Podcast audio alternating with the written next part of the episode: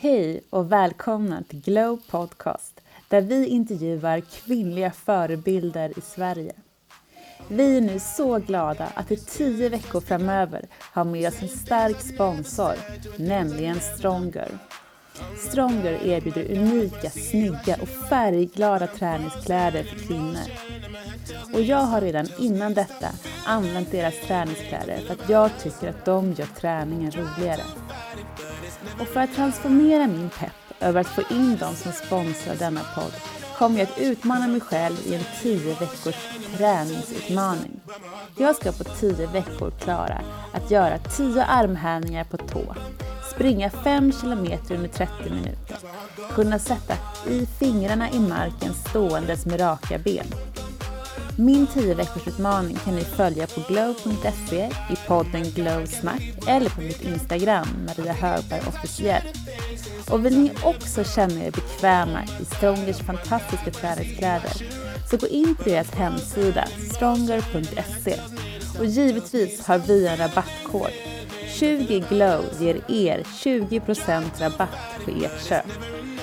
Nu blir vi starka tillsammans och kanske vill ni också sätta upp en 10 veckors utmaning utifrån dina förutsättningar. Sanna Bråding är multitalangen som under sitt liv har gjort mer än vad många skulle hinna med under en hel livstid. Hon har gasen i botten och oavsett vad hon tar sig an så gör hon det med galans. Hon är skådespelare, programledare, författare och hon är även en förebild om hur du hittar balans i livet. Sanna är född 5 mars 1980 och uppvuxen i Nacka och började med teatern redan som liten. När hon var 15 år fick hon rollen som Tanja i TV4 såpopera Tre Kronor, vilket var den största tv-serien och uppmärksamheten blev enorm. Bråding har även haft flera skådespelarroller och programledarroller i både radio och tv. Och vi har bland annat kunnat se henne i Idol och på Grammisgalan. Men att ha gasen i botten kan också ha sitt pris. Men för Sanna Bråding blev det också hennes räddning när hon 2008 dömdes av Svea hovrätt för narkotikabrott till tre månaders fängelse samt skyddstillsyn. Efter domen startade Bråding en blogg om vägen tillbaka efter fängelsestraffet samt satte upp föreställningen För mycket av allt som är baserad på hennes självbiografi. Idag är hon även inspiratör för vegankost och hållbar livsstil och nu är det dags att hälsa henne varmt välkommen hit till Glow Podcast.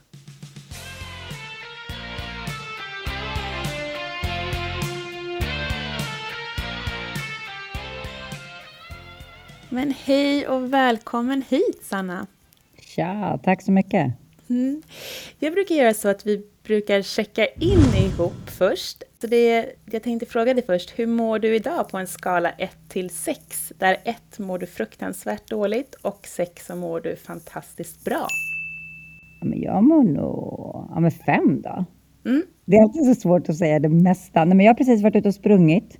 Um, ja, men mår väl bra, men det är alltid liksom det finns alltid saker jag vill eller kan förbättra. Så att, att säga att allt var fantastiskt, då skulle jag känna att jag redan var på topp och att det inte fanns någonting att jaga mer. Så att eh, fem, blir, fem blir perfekt. Mm. Springer du varje morgon? Nej, varannan. Okej. Okay. Mm. Och hur långt springer du då? då? Ja, jag är ju en gammal, gammal träningsnarkoman, så att jag har ju mina regler. Att jag inte får träna för mycket eller springa för mycket. Och nu har jag haft väldigt många år där min kropp har varit väldigt skör. Eh, två täta graviditeter, sex års amning, en, en kraftig utmattning och sådär. Så att jag eh, kunde inte börja springa förrän i augusti förra mm. året. Och då hade jag 20 minuter som mitt max efter ett tag och sen så ökade jag till 30 minuter. Och jag, vilket gör att jag har eh, ingen tid, jag håller inte på att ta tid, jag pressar mig inte. Jag, alltså allt det där som som faller in under taket liksom prestation. Det är borta, för jag vet bara att jag får max springa 30 minuter och då spelar det ingen roll oj, hur långt sprang jag, hur snabbt sprang jag, utan det blir bara ett välmående för kroppen.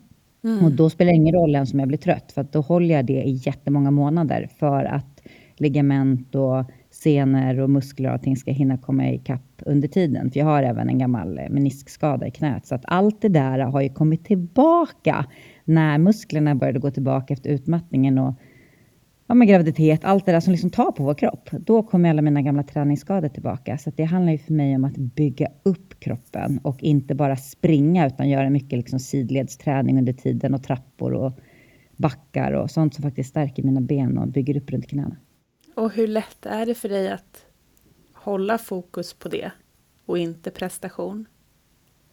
Än så länge förvånansvärt lätt. Eh, det här halvåret jag håller på att springa. Men eh, det handlar nog väldigt mycket om den mentala träningen och att hela tiden påminna mig om varför jag gör det här och att, det är, att jag har ett långsiktigt mål. Att det inte handlar om att jag ska, jag vet inte, folk som säger jag ska komma i form till sommaren eller du vet, det handlar inte om det, det yttre utan det handlar om mitt inre välmående och det är där jag har haft fokus under väldigt många år nu och det gör att det blir lättare mentalt för då handlar det om att jag är vän med min kropp idag och jag är inte jag har varit fiende med min kropp i så många år med alla ätstörningar och destruktivt beteende på alla, alla, alla möjliga olika plan och verkligen övertränat och skadat mig. Så att nu har det ju handlat om under många års tid, senaste 13 åren egentligen, en resa till att faktiskt samarbeta med min kropp. Och det är ingenting som är lätt. Alltså det är ingenting som kommer över en natt och det blir bakslag och det och då ska vi vara jävligt försiktiga med att inte slå på oss själva varje gång vi tar det där steget bakåt som vi tycker ah, det är ett misslyckande. Nej, det är inget misslyckande. Det är en påminnelse och att hela tiden utvecklas framåt. Livet är liksom inte bara som en spikrak väg rakt upp, utan det är som en trappa. Vi går upp på ett steg och sen så kan vi gå framåt på det steget, så kanske man tar ett steg bakåt och så tar man två steg fram. Men vi ramlar liksom aldrig ner i avgrunden igen när vi väl har börjat klättra uppåt, om vi har siktet inställt. Så att för mig handlar det väldigt mycket om att öva på att inte slå på mig själv, att inte pressa mig själv. Och om de tankarna kommer, att faktiskt ta tid och sätta mig ner och fundera på varför de kommer och vad det är som, eh, som driver dem. För det mm. finns oftast en, en orsak bakom och då är det så lätt för oss att komma in i de där gamla hjulspåren i hjärnan.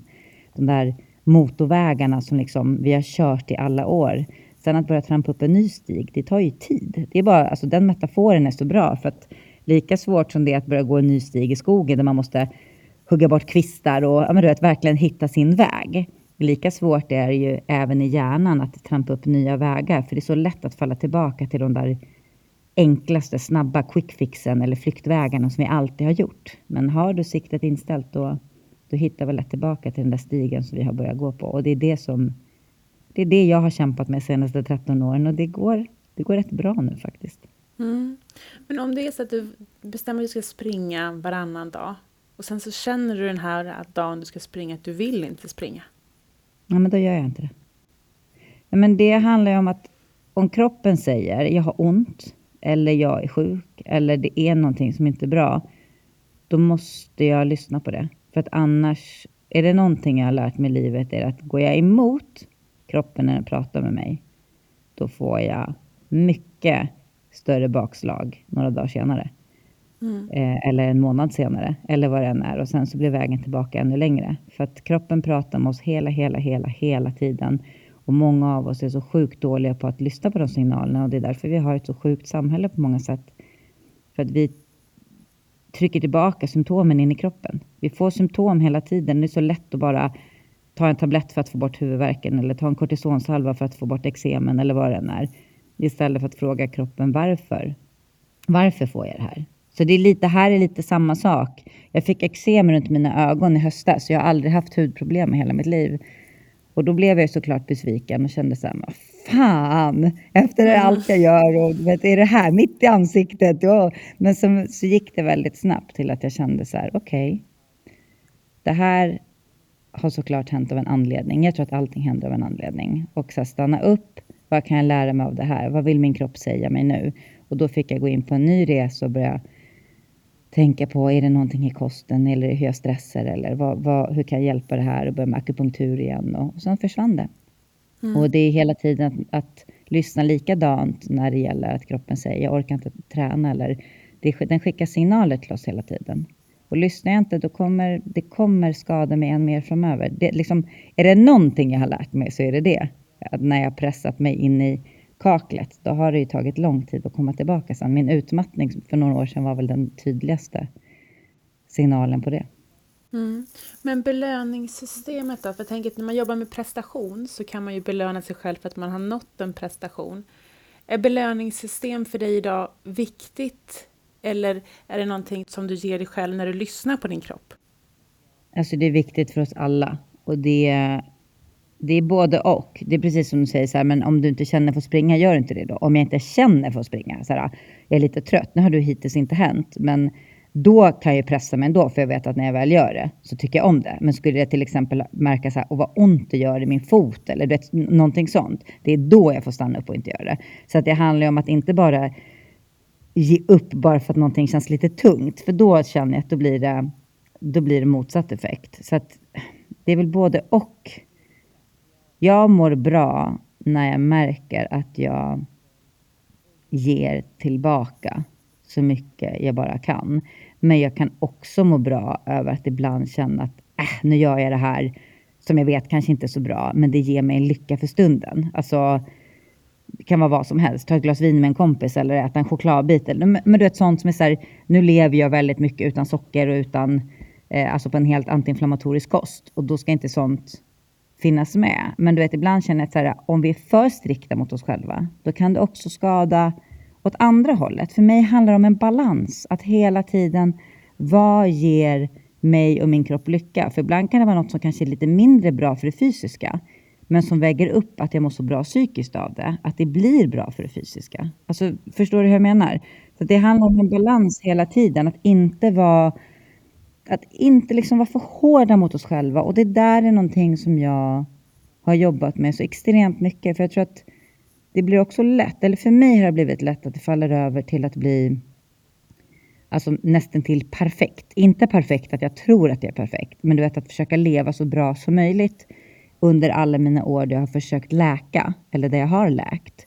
Och då kan jag känna igen mig från mina dagar under anorexin, där allt blev liksom som en, en schemaläggning, hur jag skulle träna, hur jag skulle äta, hur jag skulle... Och då inser jag att så här, fast det här är inte heller bra. Det måste finnas en ett flöde som ger tillåtelse av allting. Och det är det jag känner att det är det viktigaste. Att inte stirra sig blind på en sak, för allting hänger ihop i en helhet. Mm.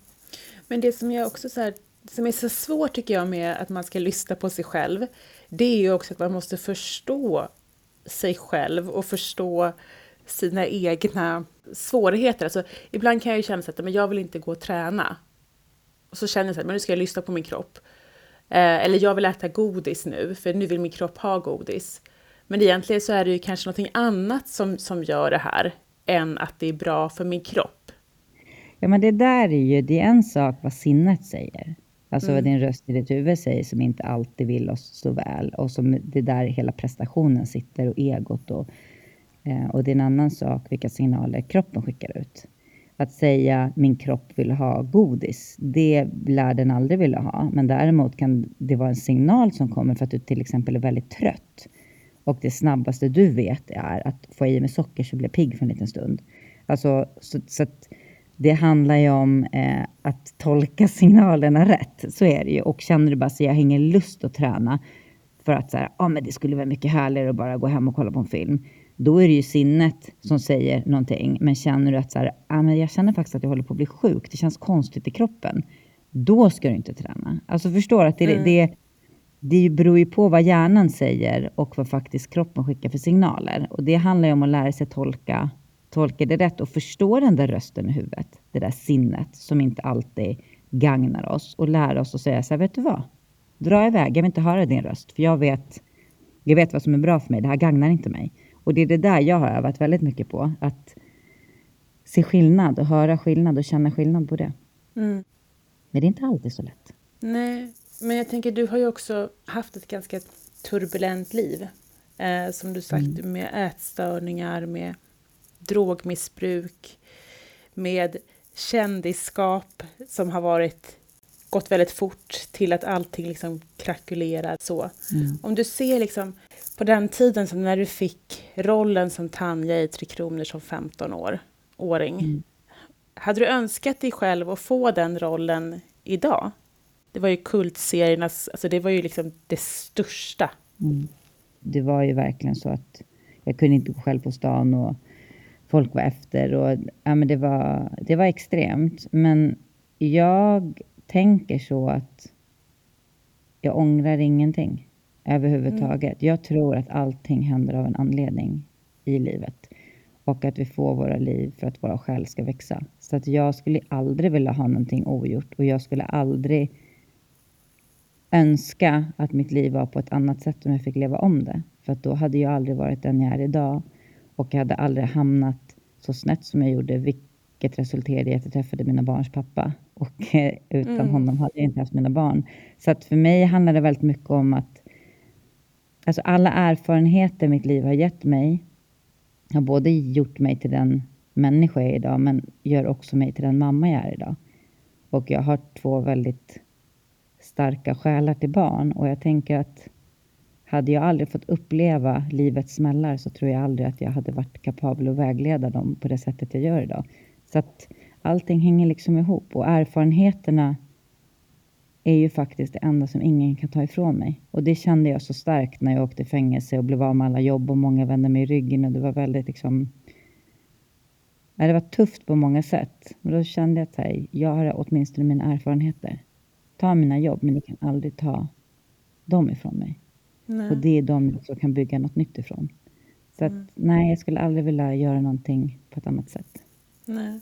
För om du tänker liksom, om den här tiden som när allting bara, när du fick allting till dig, alltså när jobbet regnade in och allting var liksom, kan du beskriva den tiden i ditt liv? Alltså hade det hänt idag så hade jag uppskattat det på ett annat sätt, vill jag tro ändå. Då var det bara som att allt pågick. Alltså det var så mycket och eftersom jag inte mådde bra på insidan så kunde jag heller inte uppskatta det på samma sätt. Mm. Och det är så lätt att tro att så fort en människa har en karriär så är den personen lycklig. Vi lever i ett samhälle där prestation och karriär är lika med lycklig och framgångsrik. Och jag tror att det är en av anledningarna till att folk mår så dåligt. Det är hela tiden att vi ska bli någonting. Vi ska bli något istället för att acceptera och förstå att vi är tillräckliga precis som vi är. Mm. Och jag jagade hela tiden någonting annat. Och därför var jag aldrig nöjd och jag var heller aldrig lycklig det jag var i. Men såklart, jag har haft jätteroligt och jag har fått lära mig supermycket och varit med om jättemånga fantastiska upplevelser. Men eh, det var så mycket inom mig som någonstans tog den, den känslan ifrån mig också. Fokuset låg någon annanstans. Mm. Du hade ett mörker inom dig med väldigt mycket självhat samtidigt som liksom utsidan var väldigt glamorös och utåt sett så skulle den här liksom fasaden eh, hållas uppe. Men hur, hur klarade du av den tiden i ditt liv? Alltså hur parerade du de här två olika världarna? Ja, uppenbarligen gjorde jag inte det eftersom jag till slut kraschade. Men eh, jag var länge bra på att hålla masken och hålla en, en eh, stark fasad utåt. Och det var ju också mitt främsta mål, att ingen skulle nå mig, att ingen skulle se bakom min yta. Och det var den som sakta krackelerade. Så var det ju, att jag kämpade så febrilt med att hålla ihop alla olika lögner och alla olika trådar i mitt liv att jag till slut tappade bort mig själv totalt. Och det var ju då också allting började krackelera och då var det ju som en lättnad. När allting bara kom ut på något sätt, för jag orkade inte längre hålla uppe allting. Nej. Men vad hade hänt då, tror du, om du hade berättat, liksom, om du hade varit i den situationen liksom, som du var i livet när du var uppe i, i mediavärlden, vilket är många ström, om du hade berättat hur du hade mått, vad tror du hade hänt då? Hade du fått eh, mindre uppdrag eller vad, var med så här facit i hand? Det är jättesvårt att svara på hur andra hade reagerat, men med tanke på hur folk reagerade när sanningen kom fram, så folk är rädda. Väldigt många rädda. Det var ju ingen arbetsplats som erbjöd mig vård eller hjälp. Eller det var ju bara så här, avsluta uppdraget direkt. Så det kan man ju ifrågasätta. Eh, varför jag behandlades på det sättet och jag är långt ifrån ensam. Och jag kan ju också säga att det är klart att folk visste hur jag mådde. Folk såg och hade sett länge, men så länge jag presterade på jobbet så, så var det ingen som säkert orkade lägga sig i, för det blir jobbigt, eller vågade lägga sig i. Så att jag, tror att, jag tror att det handlar väldigt mycket om folks rädsla också. Så det är väldigt svårt för mig att se vad hade hänt om jag hade börjat vara öppen redan innan. Um, kanske hade samma sak hänt fast det inte hade blivit lika stora rubriker. Eller så hade, ja. det, det är väldigt svårt att spekulera i någonting som jag inte vet. Men min känsla av, av många människor är att det är viktigare att gå bra för deras program eller produktion eller vad det än är, än hur människorna där bakom faktiskt mår. Och det har ju varit många sådana historier, framför allt efter metoo och allting, när det kommer fram liksom hur folk har vetat om hur många betett sig men ändå behållit dem för att de har gett klirr i kassan. Så att det, är, alltså det är så dubbelt. Men det är klart att det är människor där bakom också som verkligen brydde sig om mig och som jag såg var oroliga. Och som var oroliga. Men eh, det är svårt också att nå någon som mår så dåligt. Men om du ser liksom på, på kändisvärlden idag eh, och sådana som är på väg upp, kan du se människorna på ett annat sätt än vad gemene man gör? Alltså jag kan inte uttala mig om hur gemene man ser på andra människor eftersom jag vet ju inte vad andra ser. Men Nej. jag vet att jag ser igenom folket. Och jag kan mm. se många som mår dåligt när um, kanske folk runt mig som jag pratar med inte alltid har reagerat och sånt. Absolut. Men det, jag vill säga, it takes one to know one. Uh, har du varit mm. med om någonting så är det som att du kommer under ett filter som inte andra gör på samma sätt. Så absolut. Um, men det tror jag. Men det är inte som att jag har suttit och kollat specifikt vilka unga eh, artister och skådespelare finns det idag som kanske mår dåligt. Jag sitter inte så, men om jag träffar en människa så kan jag ganska lätt se igenom den personen. Och det är ju, det ser jag som en av mina styrkor idag, att verkligen kunna komma under skinnet på en människa och också ofta få reda på vad som försiggår. För att de förlitar sig på mig för att de vet att jag har varit med om något liknande. Precis, för det jag tänker är viktigt med sådana som, som har erfarenhet utav det att också liksom dela med sig och också visa att den här sidan finns utav kändisvärlden. För man ser ju oftast bara liksom det här glamorösa. Och sen så ser man ju ibland liksom sprickor utav att det finns otroligt mycket hemskt där bak liksom också. Jo, men det är det jag eh, typ ägnar mitt liv åt, eller på att säga. det är det jag har gjort sen. Alltså, jag har gjort det så länge, sen jag skrev min bok mm. 2016 och mina föreläsningar och min eh, föreställning som jag turnerade med och alltså väldigt många intervjuer och program så är det ju det här jag pratar om. Inte bara den mörka sidan men också om hur lika vi faktiskt är alla människor och att vi alla bär på, på samma sårbarhet innerst inne men vi döljer den på olika sätt och det tycker jag är väldigt, väldigt viktigt att prata om och någonting som jag är väldigt intresserad av. Hur helheten hänger ihop. Jag brinner lika mycket för kost som jag brinner för att prata om psykisk hälsa eller psykisk ohälsa. För att för mig är allting samma sak. Det är delar av samma sak. Vi påverkas av allting. Hur vi tänker, hur vi äter, hur vi sover, vilka vi umgås med. Det, är så, det hänger ihop eftersom vi alla är en helhet. Vi är en energi. Och det tycker jag är jätteintressant att prata om och någonting jag vet att jag kommer jobba mer med resten av mitt liv på olika sätt inom mitt kreativa yrke. Mm. För du säger ju också att um, sårbarhet är läkningen i världen. Kan du berätta om det eller dina tankar kring det? men jag tänker att vi växer upp genom att ofta få lära oss att det är något fult att vara sårbar, att det är något svagt. Många av oss har vuxit upp med föräldrar som eh, kanske inte har visat att de gråter eh, framför sina barn. Eh, och Många av oss har fått höra att familjehemligheter, det pratar vi inte om med någon annan och vi håller det här för oss själva. Och väldigt många, framförallt killar, har fått höra att de absolut inte ska gråta och att man ska bita ihop. Och det, bara, det gick bra, säger en förälder till ett barn som ramlar utan att vi har en aning om hur det kändes. Mm. Och vi lär oss att, att eh, ja, men sluta gråt. Här, vi, vi tröstar dem för att de ska sluta gråta, men vi säger aldrig till någon att sluta skratta. Alltså vi lär oss att vissa känslor är fula och andra är fina. Och redan där så skadas vi. Alltså det, det, många föräldrar menar väl, men jag anser att det skadar oss. För vi växer upp med att, att inte få vara hela vårt jag. Och varje gång vi känner någonting och inte lär oss om de här känslorna, för de ska bara tryckas ner, då blir de till ångest. Och ångest i sin tur leder till olika symptom, för vi vill dämpa ångesten. Och allt vi ser i samhället som alkoholism, eh, narkomaner, otrohet, olika missbruk, vad det än är, det är ju symptom på exakt samma grundproblem. Det är människor som vill fly från sin ångest.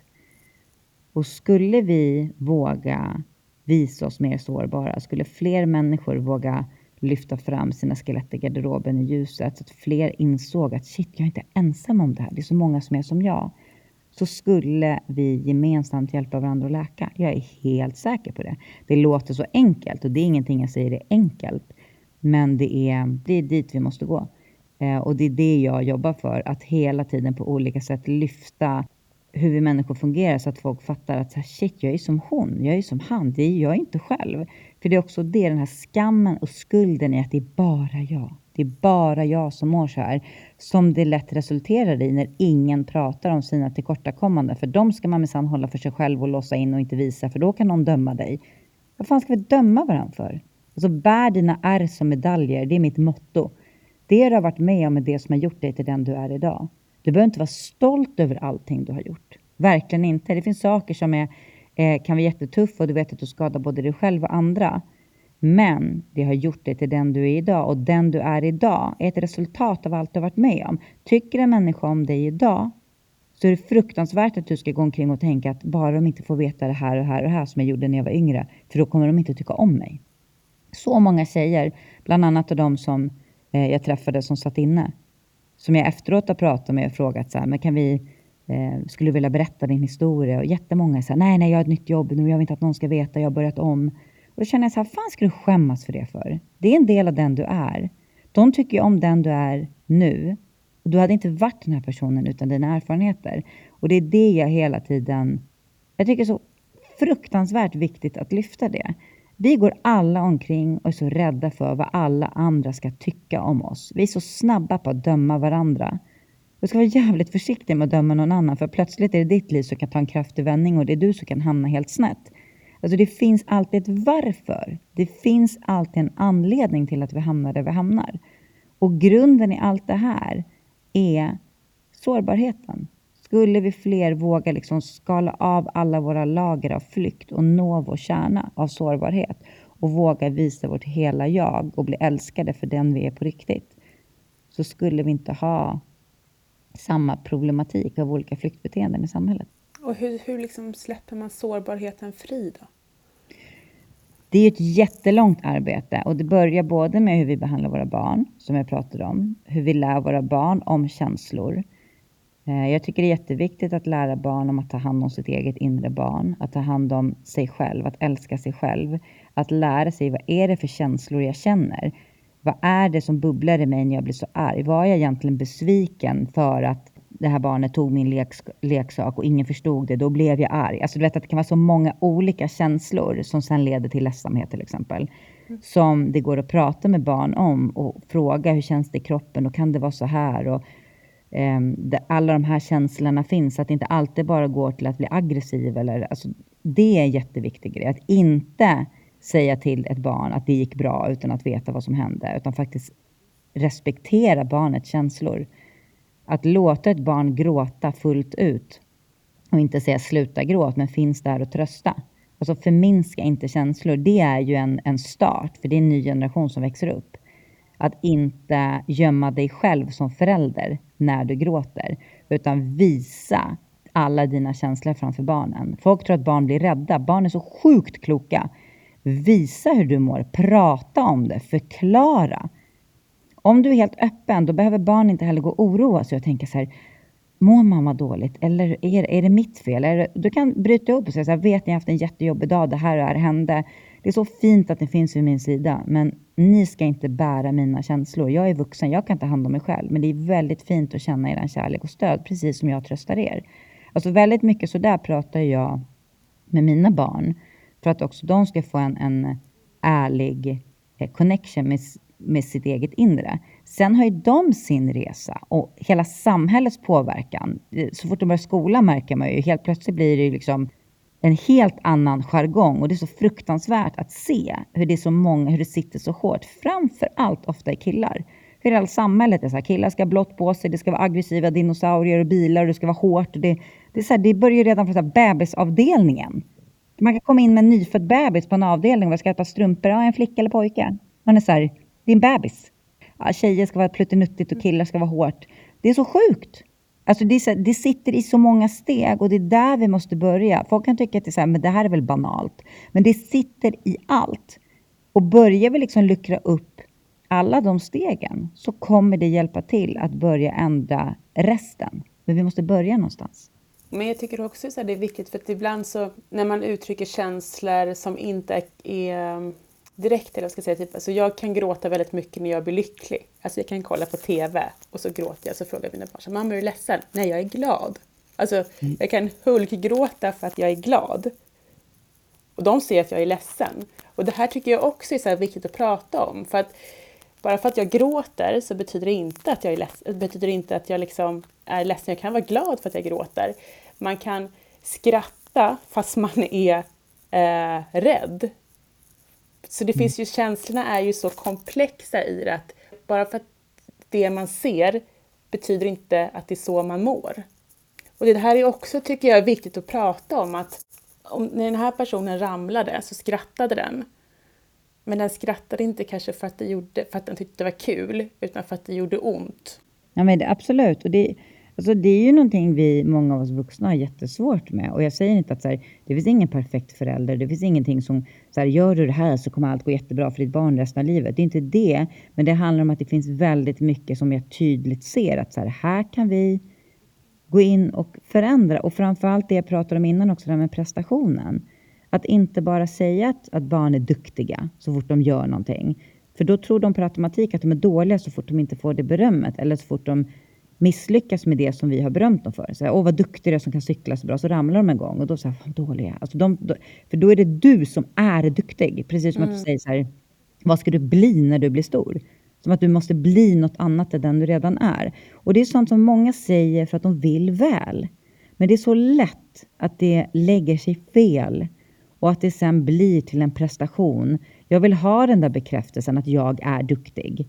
Eh, det finns andra sätt att säga. Alltså, vad roligt att du kan cykla nu. Vad, vad kul vi har när vi är ute tillsammans. Eller du får en teckning, inte bara så här, vad duktig du är som har ritat den här. Utan så här, oh, vad har du gjort? Vad tänkte du när du ritade den här? Att hela tiden du vet, få in andra delar. Att det inte bara blir att du ska få beröm hela tiden. Eller att du ska bli något annat än den du är. Utan alltid liksom vi pratar väldigt mycket om det när jag är arg. Eh, eller när jag blir arg på barnen. Att jag har varit från början väldigt tydlig. Så här, jag är arg på ditt beteende. Det du gjorde just nu var inte okej. Okay. Jag kommer alltid älska dig precis lika mycket. Men ditt beteende är det jag är arg på. Nu behöver jag inte prata så länge. För nu säger de själva så här. Du älskar mig ändå mamma. ja, det gör jag. Frustrerad över det här du gjorde. Mm. Eh, det känner jag också så här. Det finns så mycket. för att som vi kan göra bara för att stärka den där kärleken till sig själv inom, inom barnen när de växer upp, som gör att de lättare, tror jag, kan parera och manövrera olika prövningar i livet senare. Mm. Och för de som inte liksom, eh, om man tänker de som inte får växa upp nu med de, med de liksom kloka insikterna, vad kan man göra med sådana som är vuxna idag? Som lever i det här som, som du har kommit ifrån med prestation. Jag är prestation. Alltså jag, jag lever ju fortfarande väldigt mycket med prestation. Jag tror att det, det är någonting som kommer sitta i mig resten av livet för det sitter så extremt djupt. Men jag kan eh, låta det påverka mig olika mycket. Så kan jag mm. säga. Eh, jag tror att det aldrig kommer sluta och jag kan till viss del tycka att det är en ser det som en drivkraft också som tar mig framåt för att jag vill någonting. Men det ska inte, det ska inte vara det som visar på mitt värde. Mm. Jag är lika bra ändå och det är det jag har jobbat mycket med. Och det är det som är det viktigaste. Liksom. Men annars tänker jag att de som är där idag, till att börja med handlar nog bara om att re börja reflektera över det och börja fundera över de här rösterna i huvudet. Vad, vem är det som säger det här till mig? Jag brukar säga det till människor jag, jag pratar med eller coachar som, som mår dåligt. Att till att börja med, tänk att det här är fysiska personer. För många av oss hör ju röster i huvudet på ett eller annat sätt. Om du har haft missbruk och sånt så hör du ofta väldigt starkt röster som är elaka mot dig. Det, då tar liksom får sinnet och egot full kraft och talar om för dig hur värdelös och äcklig du är och driver dig till liksom, gränsen, även om det är att du svälter dig till döds mer eller mindre eller tar droger varje dag eller utsätter dig för att sälja din kropp eller vad det än må vara. Men om det är även människor som inte hamnat i djupa självskadebeteenden så har vi ju, som du pratade om innan Maria, när du kan känna att så här, nej men jag, jag har ingen lust att träna, jag vill hellre göra det här. Eller om du vet att vi har ett sinne som pratar med oss och tycker att, äh, skit i det där. Om du vet att det finns, eh, att vi hela tiden lite pratar med oss själva. Och det handlar lite om att börja sätta, eh, medvetandegöra de rösterna.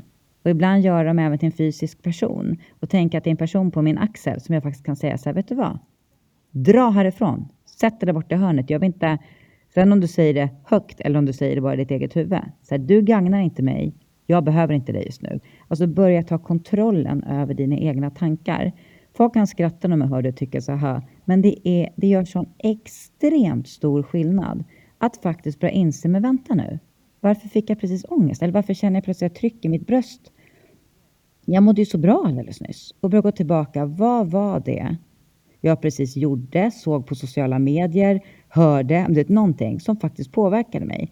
Och ofta så går det ganska snabbt. Alltså, ja, det var ju det där. Eller det var det där jag åt. Eller det var den här bilden jag såg. Och så här, var, vänta, varför känner jag det här då? Ja, det påminner mig om det där. Och gå till botten och inte bara börja, börja fly, för då kommer det där eh, snabba motorvägen i hjärnan igen. Oh, nu känner jag den där jobbiga känslan. Då brukar jag göra så här så mår jag bra. Och då går jag och tar ett glas vin. Eller då äter jag en påse chips. Eller du vet, att vi hittar en, ett, något destruktivt för oss själva. Istället för att våga stanna upp då. Och känna så här, varför känner jag att jag måste pressa mig själv till det här nu? Eller göra det här, vad det nu må vara. För alla har vi olika anledningar. Och stanna upp. Det gör sån skillnad. Att våga stanna i känslan när den kommer. Och faktiskt börja medvetliggöra våra egna tankar. Det är en jätte... Mm, alltså det är en väldigt, väldigt bra start som kan vara superjobbig eftersom vi många av oss är vana att så fort det blir jobbigt, då hittar vi en, en flyktväg på oss själva så att vi ska slippa känna den jobbiga känslan. Mm. Och om man, om man blir duktigare på att lyssna på sig själv, att man, mm. att man mm. jobbar liksom med sin, eh, sina demoner och sina änglar och ger dem olika plats. Eh, andra människors kommentarer om en själv, när de kommer, ska man ta till sig dem tycker du? Eller ska man slå bort dem? Det beror ju på vad det är för typ av kommentarer. Eh, mm. Det kan ju vara kommentarer som hjälper dig att växa. Eller kommentarer som bara vill dig illa.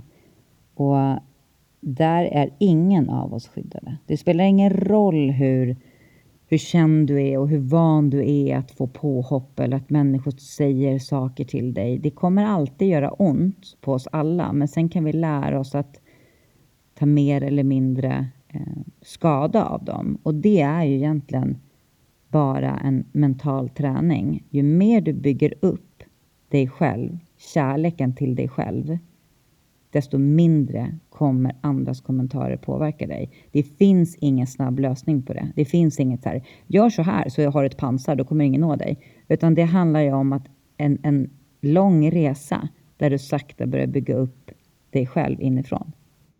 För det här är också någonting som jag tror man kan känna är svårt. Det här med att visa sårbarhet gör ju också att man tar in Alltså att, att, man också kan vara mottaglig mot saker som sägs om en utifrån. Um, för att man inte har en fasad.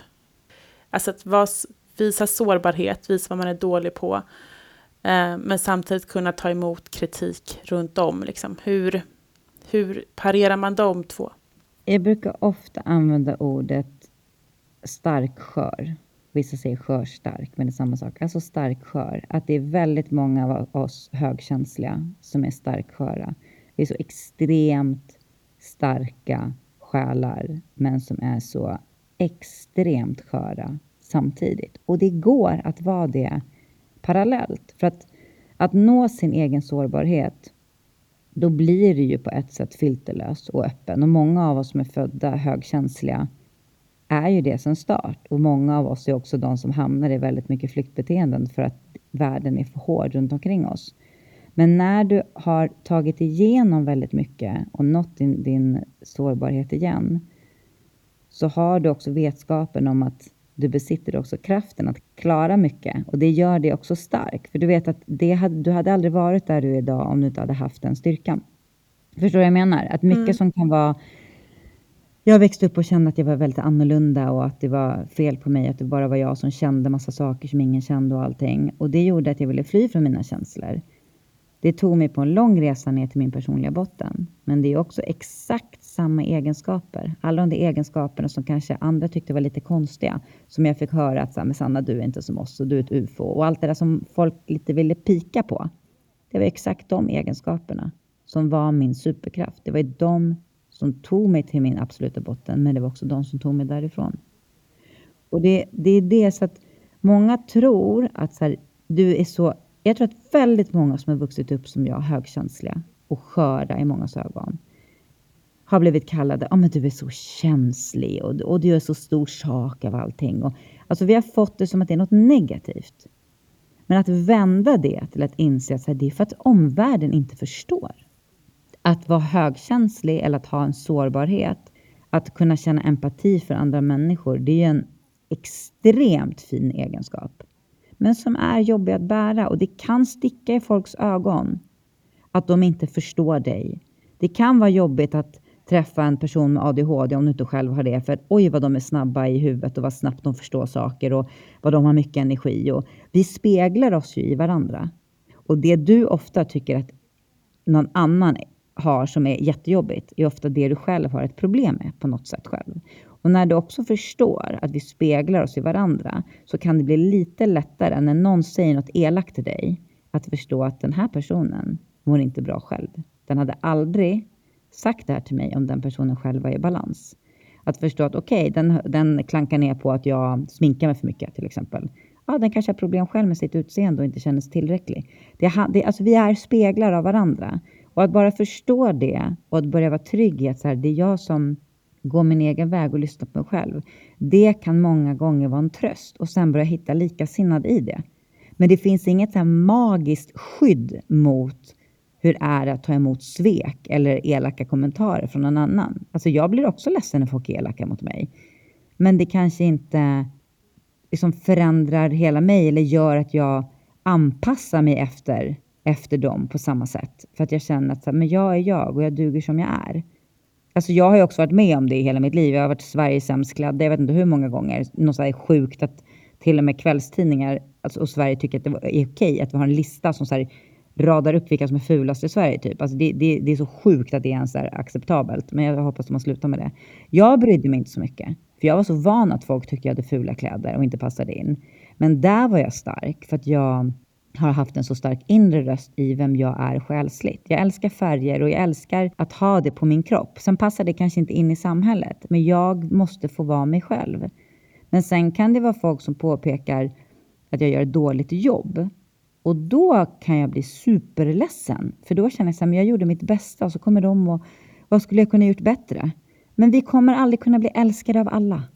Vi kommer aldrig kunna bli älskade av alla och det där är något jag själv jobbar jättemycket med. Så här, Sanna, alla kommer inte älska dig. Du kommer inte passa ihop med alla och det är okej. Okay. Och det tror jag bara är någonting också som åldern lär oss. Ju äldre vi blir, desto mer såhär, fine. Alltså, jag behöver inte vara älskad av allt och alla och passa in precis överallt. Så jag tror att också det är en, en utvecklingsgrej som kommer med åldern. Mm. Och vad är välmående för dig idag? Välmående för mig att vara i balans.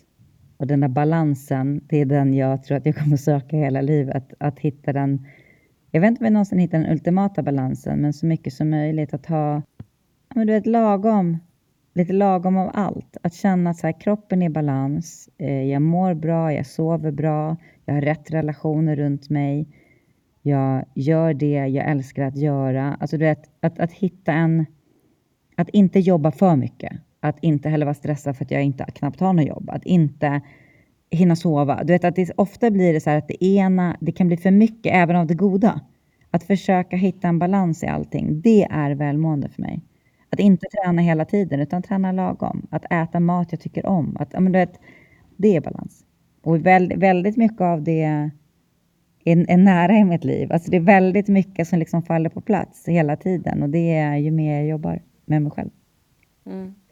Men också hitta, som sagt, hitta balans i avspänd mental position, eller vad man ska säga. För att man kan ju också hitta balans som i en, i en gungbräda, eller vad ska man säga, så kan man stå i mitten och hålla balansen hela tiden, så att den är helt rak, att man har allting, men man är fortfarande spänd i balansen. Ska jag säga, så att man inte kämpar för att vara i balans, utan balansen finns där inom en. Jag tror att det handlar väldigt mycket om acceptans och tillit. Två ord som är mina ledstjärnor i livet. Som jag ibland kan bli så fruktansvärt trött på. Den här, okej okay, jag ska ha tillit. Och sen är jag så här, men vad, det händer ju ingenting. Och så är jag så här, okej, okay, det är just det. Jag ska ha tillit för att saker händer när det är dags.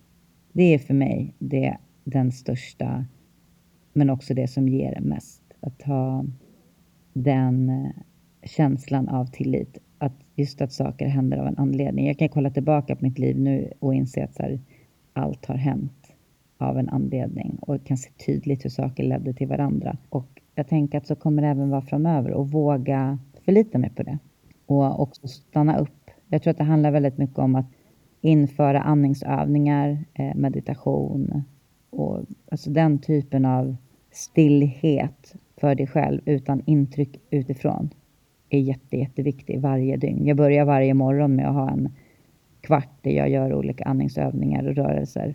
Och eh, jag menar kosten har jag ju sedan hur många år som helst ätit växtbaserad och så ren som möjligt. Eh, mycket lagat från grunden och, och jag mår ju väldigt bra av det och mina barn har alltid ätit den och jag känner att det är någonting som, som också ger mig en balans. Att känna att jag är i balans i systemet på många sätt. Och det handlar ju som du säger om att släppa kanske, istället för att spänna, släppa. Ja, jag tror att väldigt många av oss skulle må bra av att våga släppa taget. Mm. Och förlita oss till så bara go with the flow. Och att saker, det kommer bli bra. Det kommer lösa sig. Det har alltid löst sig. Jag har alltid löst det på ett eller annat sätt och så är det för oss alla. Jag menar, det kommer alltid fixa sig. Jag ska bara vara mig själv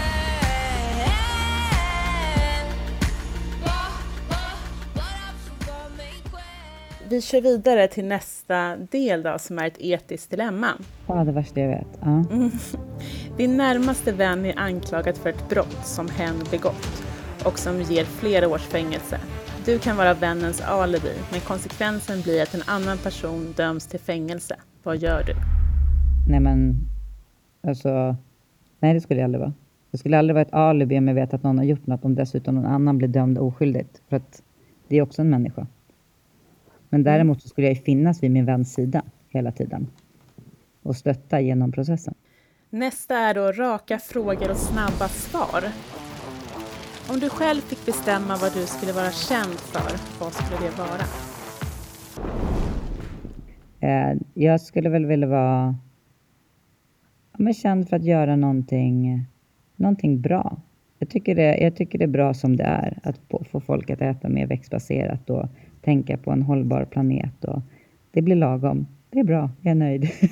Mm. Vilken typ av människor har du svårt för? Falska människor. Falska mot sig själva eller falska mot andra, eller hänger det samman också? Ja, det hänger ihop. Men äh, människor som inte går att lita på, som, äh, som säger en sak och äh, menar något annat, eller som säger saker, eh, får en att lita på dem fast de egentligen har en, en annan agenda för att komma framåt själva. Eller... Jag har varit med om så många svek. Det värsta jag vet är människor som inte är, är sanna i sig själva. Mm.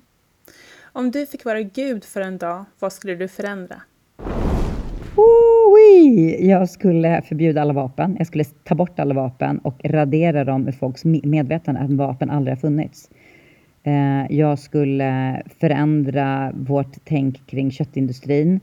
Eh, jag skulle ehm, hoppa in i läkemedelsindustrin och eh, tänka om kring antibiotikafrågan med hur vi ger det till djuren och eh, förhoppningsvis eh, förändra en kommande katastrof med antibiotikaresistens. Jag skulle eh, fördela världens pengar på ett helt annat sätt så att det inte fanns eh, sån extrem eh, fattigdom och extrem rikedom i världen.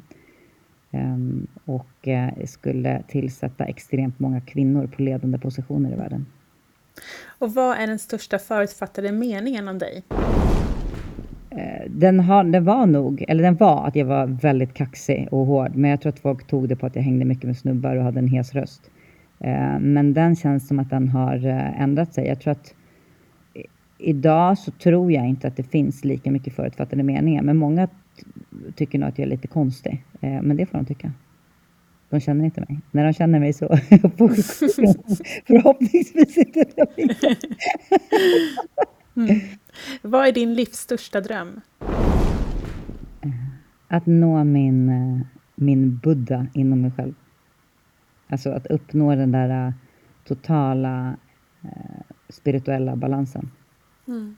Tiden rullar iväg och tack så hemskt mycket Sanna för att vi fick lyssna på dina kloka tankar och reflektioner.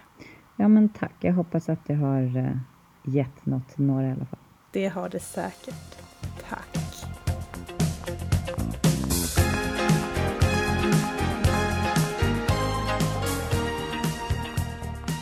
Det var allt från intervjun med Sanna Bråding och jag önskar er en fantastisk dag.